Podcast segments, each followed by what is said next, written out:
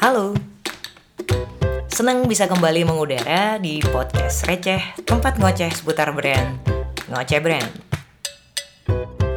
Kalau biasanya kita ngobrolin soal bisnis dan brand terutama dan marketing juga, kita lebih banyak mm, membahas tentang bagaimana sih bisnis lewat brandnya berkomunikasi kepada target audiens dan target market.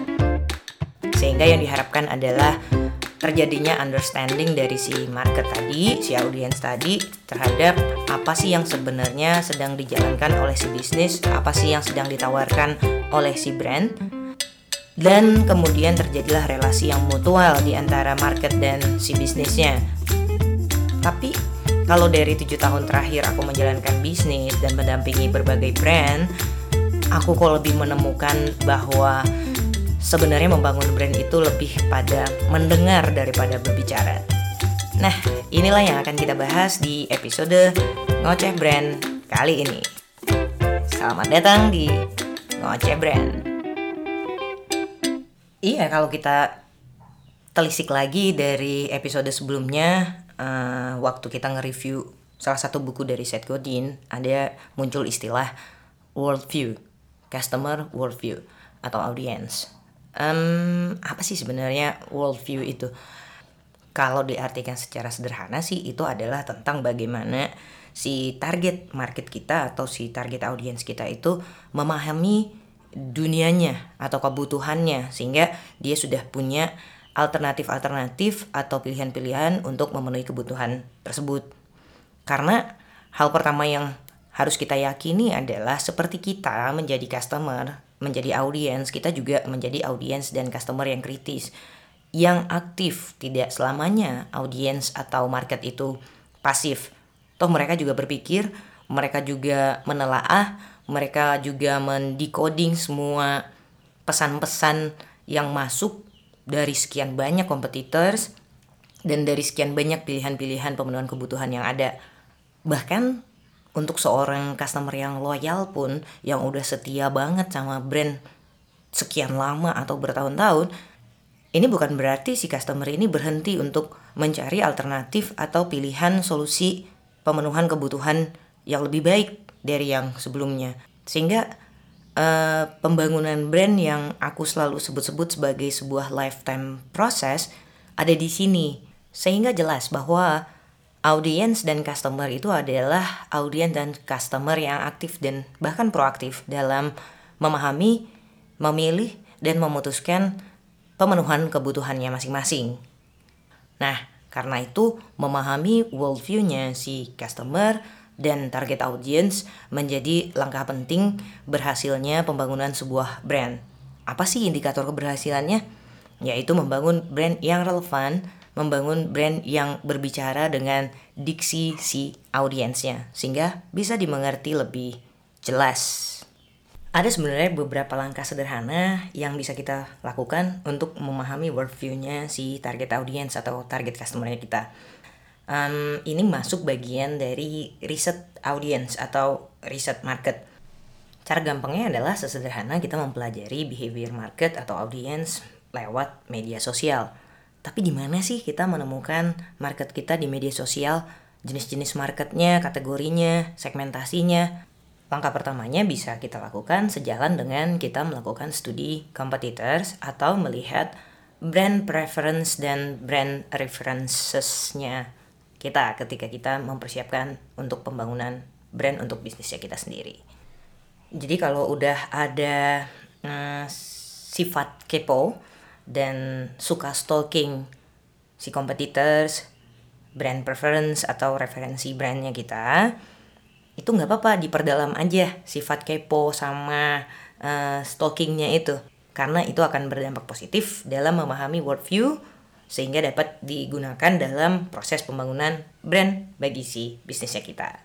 Nah, biar proses kepo dan stalking itu menjadi berguna, berfaedah, ada beberapa langkah yang teman-teman bisa lakukan ketika melihat uh, sosial media atau aktivitas sosial media sebuah brand. Baik itu kompetitor baik itu brand yang kita sukain uh, brand yang kita jadiin referensinya kita lebih kurang bisa kita rumuskan lah. Karena pada dasarnya untuk stalking atau kepoin media sosial itu nggak uh, harus terlalu serius sih kita bisa lakukan itu kalau lagi insomnia nggak bisa tidur kepikiran bisnis terus kita bisa stalking dan kita bisa pelajarin competitors atau ya kalau lagi slow kan biasanya kita ngotak-atik media sosial salah satunya itu Instagram nah maka dari itu screen time kita menjadi berkualitas nggak sih kalau kita menggunakan uh, aktivitas-aktivitas stalking kepoin itu uh, untuk sesuatu yang berfaedah. Jadi aku mencoba untuk meramu eh, kira-kira apa aja sih kalau dibikin langkah-langkahnya gitu. Jadi langkah yang pertama aku menyebutnya adalah proses uh, pendataan. Yaitu kita mendata akun-akun mana aja yang pengen kita kepoin. Sebenarnya akun-akun yang layak kepo punya ciri-ciri kebaikan juga loh. yang pertama, uh, carilah akun-akun atau datalah akun-akun yang sejalan dengan bisnis dan brandnya kita karena kalau kejauhan banget kita sulit untuk uh, merefleksikannya ke brand yang sedang kita bangun. Nah lalu yang kedua pastikan kalau akun itu aktif. Ya minimal dia dalam seminggu ada postingan lah. Jangan lupa dilihat juga kapan terakhir kali dia posting. Terus yang ketiga ya bisa dipakai bisa enggak ini optional aja jumlah followers bisa jadi indikator tapi kadang-kadang jumlah followers itu juga tidak menentukan keberhasilan banget terhadap engagementnya. Nah kalau mau mengelihat engagementnya si brand atau si akun yang mau kita kepoin teman-teman bisa masuk ke analisa.io ini salah satu platform online untuk melihat engagement akun Instagram. Jadi contoh kasus yang aku jelasin di sini untuk memahami customer worldview itu lewat media sosial, media sosialnya competitors atau akun-akun media sosial apa pun yang kita identifikasi, uh, aku mereverse kepada aktivitas di akun sosial media Instagram. Tapi bukan berarti teman-teman nggak bisa menggunakan metode yang sama untuk akun sosial media yang lain, bisa banget bahkan untuk store atau toko, stalking toko, kita juga bisa menggunakan metode yang sama. Di analisa.io ini ada fitur untuk melihat engagement secara gratis di sana dengan memasukkan nama akunnya at bla bla bla gitu. Nah teman-teman bisa melihat yang paling umum, misalnya engagementnya, jumlah followersnya, yang real berapa, kemudian eh, postingan yang paling banyak engagementnya sekitar satu minggu atau tiga hari terakhir itu bisa teman-teman lihat di sana. Nah konon katanya uh, engagement yang kuat itu berada di antara 3 sampai 6 persen. Kalau di atas itu berarti udah bagus banget, kuat banget engagementnya. Tetapi kalau bisa mencapai 3 sampai 6 persen, yaitu antara itu, berarti itu udah udah lumayan kuat si engagementnya si akun tersebut. Terus kalau udah di data nih, udah di listing nih si akun-akun yang pengen kita kepoin, mungkin ada beberapa 5 sampai 10 akun ya semampunya teman-teman semuanya. Terus jangan lupa bahwa kepo lah secara fair. Karena kalau kepo dalam rangka riset bukan berarti kita gibah atau cari kejelekan. Percayalah teman-teman bahwa brand yang baik, bahwa brand yang berhasil itu enggak pernah karena dia jago ngejelekin atau nginjak kompetitornya tapi selalu berusaha untuk memberikan atau menghadirkan yang terbaik bagi customernya. Kalau udah langkah yang pertama, berarti teman-teman udah siap untuk melakukan atau move on ke langkah yang kedua. Ya, kita bisa menyebutnya sebagai analisis umum atau si analisis si brandnya dulu. Studi kompetitor lah kecil-kecilan, sederhananya.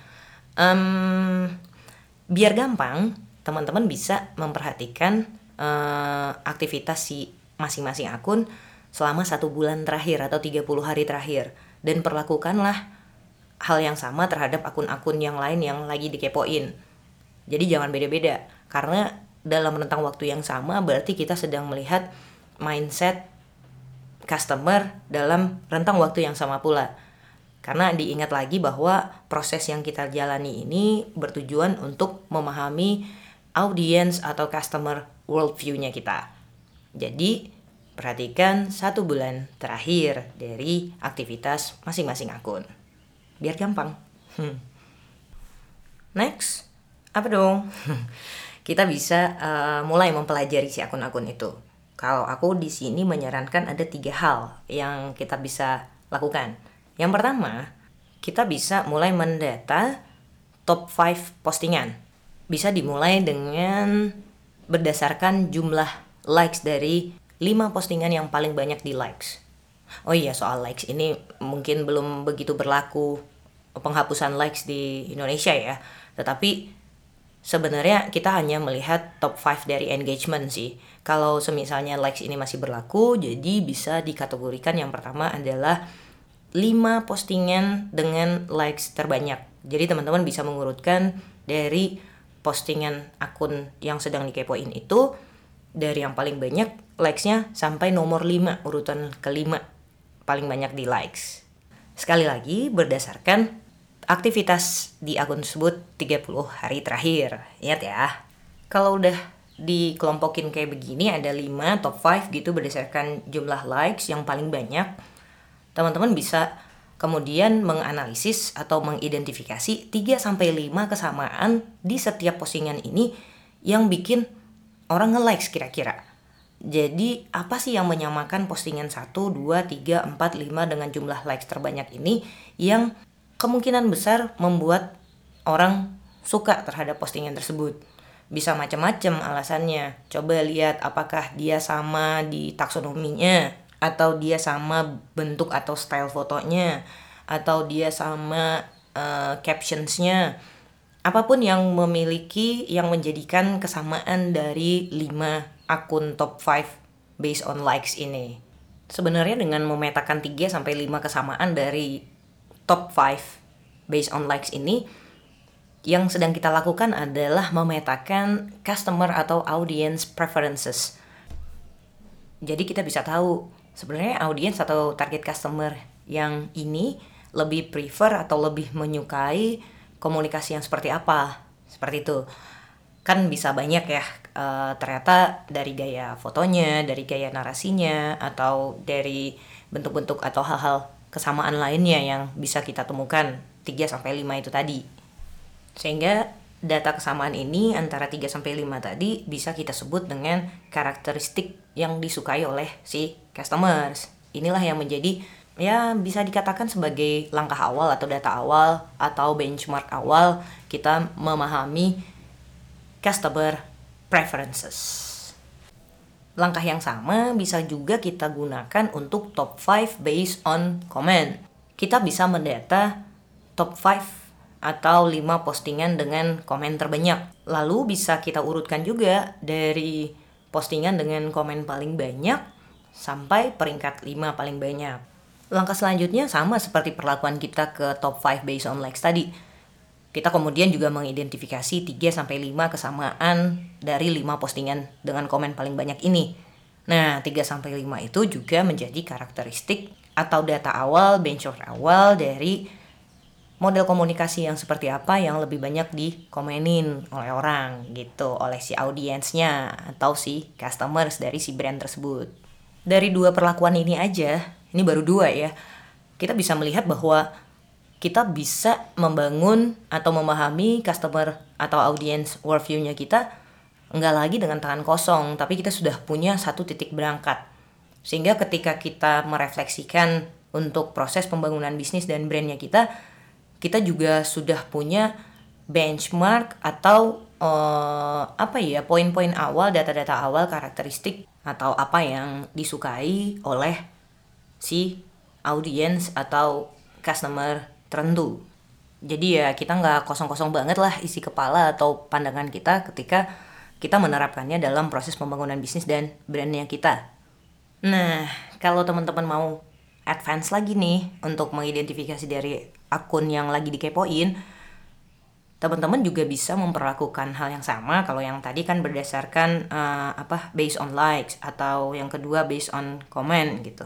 Nah, teman-teman juga bisa melihat tag postnya si akun tersebut yang bagian si customer atau orang-orang yang posting foto tapi nge-tag si akun si brand tersebut.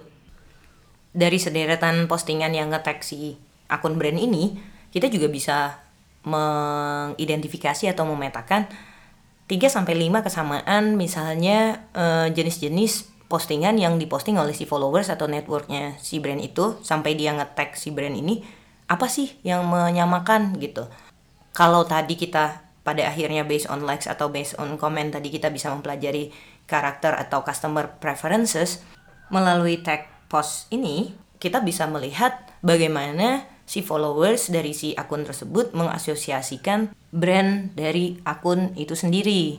Jadi kita bisa melihat uh, karakter visualnya. Mungkin misalnya kalau kalau akun-akun kedai kopi misalnya oh yang menjadi asosiasi buat si customernya mungkin venue-nya atau atmosfernya. Kalau di akun lain misalnya hmm, toko online misalnya uh, ternyata yang di tag sama followers atau si customersnya itu adalah packaging atau ya kayak kayak unboxing gitulah lebih kurang gitu atau kita juga bisa mempelajari captions atau komen-komen setelah um, sebuah postingan ngetag si brand di akun tersebut um, sebenarnya captions komen visual yang tersaji itu sudah bisa kita identifikasi sebagai bentuk asosiasi si audiens atau si customers terhadap brand yang punya akun itu gitu loh.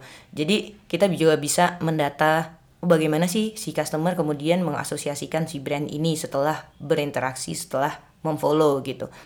Nah, ada tiga nih data sederhana yang sebenarnya bisa kita lihat hanya dengan stalking sederhana juga di akun media sosial Instagram. Jadi kalau langkah pertama tadi kita pendataan akun-akun mana aja yang layak kepo, yang punya ciri-ciri kebaikan tadi. Lalu langkah yang kedua adalah kita uh, menganalisis atau mencari data, membaca data yang tersaji di akun-akun brand yang kita anggap sebagai apakah competitors, preferensi kita atau referensi kita.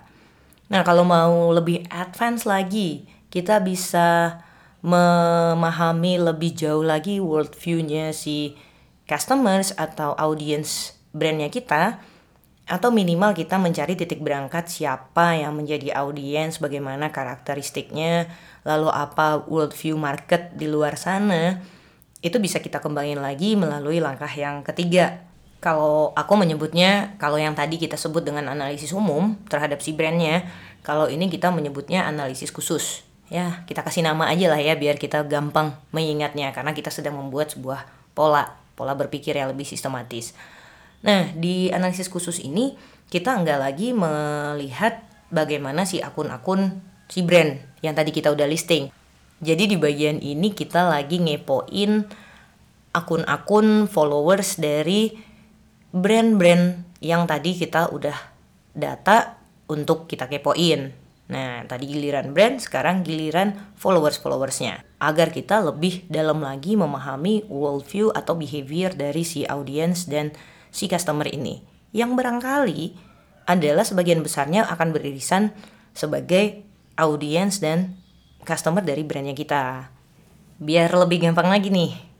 Kan tadi udah banyak sih sebenarnya ya kalau kita ngomongin satu-satu akun doang gitu. Padahal yang akun yang kita listing tadi ada 5 sampai 10. Coba bayangin udah berapa banyak data yang kita punya. Ada berapa banyak data yang bisa kita baca dan kita analisis menjadi sebuah titik berangkat uh, atau data awal dari kita biar nggak kosong-kosong banget waktu kita memulai berbisnis atau membangun brand. Nah lalu ketika kita berproses dalam mengepoin si followers-followers dari brandnya kita, nah menentukan followers mana yang akan kita kepoin nih? Ya kita bikin simple dengan treatment yang sama di setiap akun. Misalnya teman-teman punya daftar akun itu 5 sampai 10 tadi ya. Uh, jadi kita akan mengambil 5 followers dari masing-masing akun yang sama-sama nge-likes top 5 based on likes. Jadi ada lima orang dia nge-likes ke lima-limanya nah berarti kita randomly memilih dari lima itu. Dasarnya itu. Kalau ada yang lebih dari lima berarti kita cukup ambil lima orang. Nah, berarti kalau kita punya lima satu akun, satu brand yang kita kepoin, berarti kalau kita punya lima listing brand yang kita kepoin, berarti kita punya 25 data.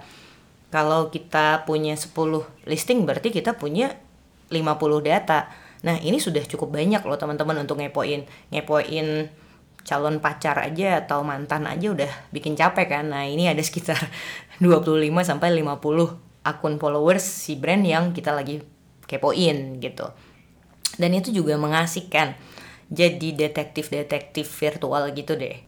Ini juga bisa dikatakan sebagai salah satu opsi atau langkah alternatif untuk memulai memahami customer atau audience worldview. Nah, gimana nih caranya untuk memahami, mengkepoin 5 followers masing-masing brand atau di total nanti menjadi 20, 25 atau 50 followers yang kita mau kepoin. Sebenarnya kita punya dua pilihan sebenarnya untuk mempelajari behavior dari si audience atau si followers-followers yang sudah kita data tadi.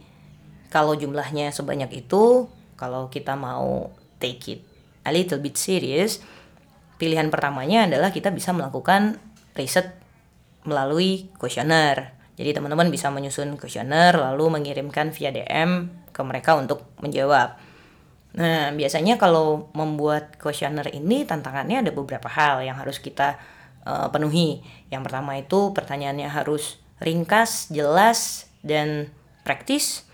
Yang kedua uh, ada gimmick yang bikin mereka mau. Misalnya kayak teman-teman bisa bagi pulsa gratis atau eh, saldo GoPay atau OVO bisa macam-macam sih sebenarnya atau memberikan merchandise tapi bisa dilakukan semuanya berbasis online atau kalau misalnya repot banget melaksanakan riset dengan kuesioner ini kok kayaknya serius banget gitu.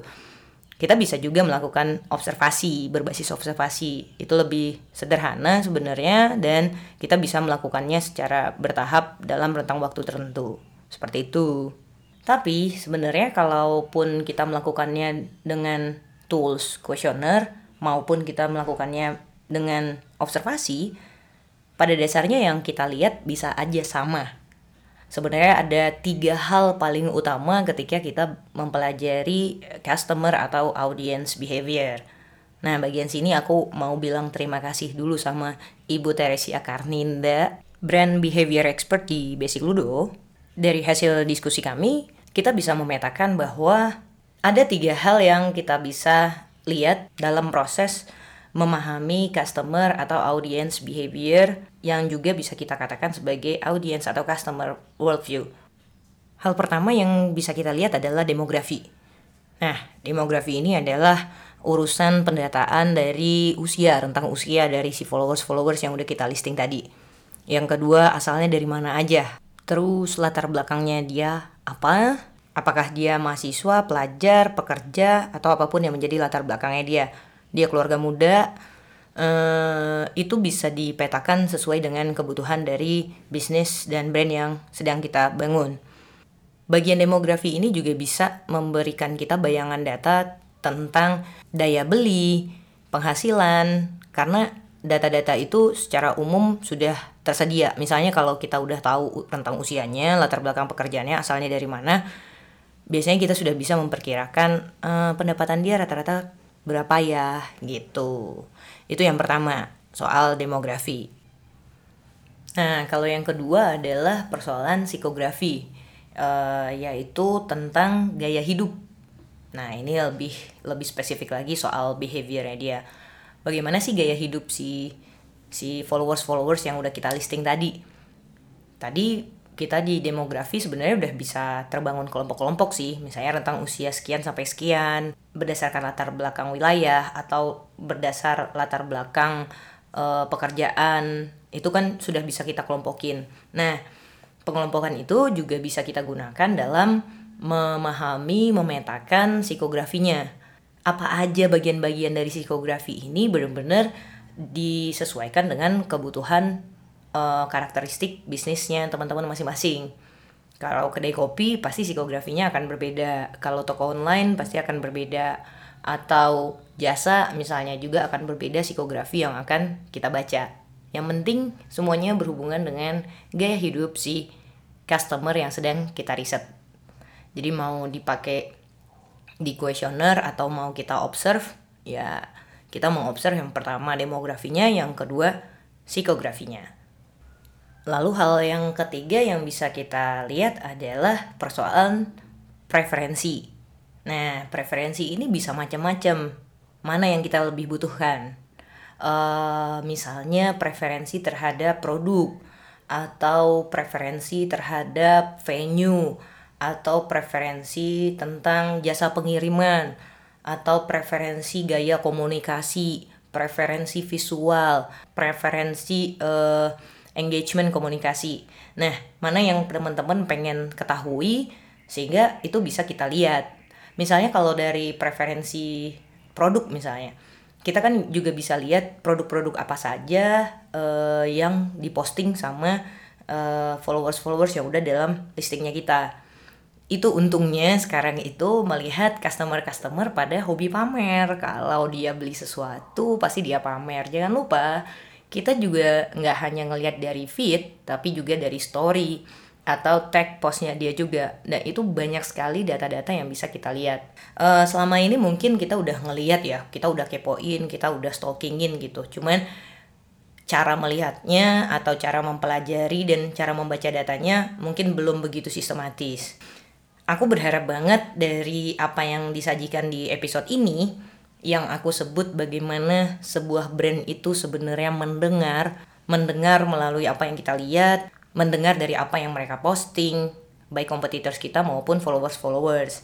Nah, yang menguntungkan dari proses ini adalah ketika kita buta sama sekali ingin menyasar target mana atau ingin memahami target audience atau target customer yang mana, dengan metode sederhana ini, kepo berfaedah ini bisa membantu teman-teman untuk menyusun langkah awal atau benchmark awal dari data-data itu. Nah, itu dia menjadi brand yang mendengar dengan ya kita ngebaca juga ngedengerin, kita juga nge-stalking itu dalam rangka mendengarkan gitu. Nah, jadi aku berharap banget bisa membantu dari apa yang aku petakan secara sederhana ini. Ini bukan sebuah metodologi yang saklek atau yang udah komprehensif banget, tetapi adalah sebuah usahaku untuk memetakan kepo-kepo berfaedah lewat Instagram. Daripada kita screen time terbuang jadi mending kita melakukan riset sederhana untuk bisnis dan brandnya kita. Yang terpenting adalah kepo itu baik kalau dilakukan secara sistematis dan ada faedah dan manfaatnya bagi kita. Jadi sampai di sini dulu episode kali ini dan seperti biasa jangan lupa untuk follow Spotify Ngoceh Brand dan aku bisa dihubungi lewat akunku di @nisaulaulia baik di Instagram maupun di Twitter kita bisa berkomunikasi dan berdiskusi tentang banyak hal dan aku juga penasaran bagaimana pandangan teman-teman atau pendapat teman-teman tentang metodologi riset sederhana ini. Oke, sampai jumpa di Ngoceh Brand selanjutnya. Bye bye.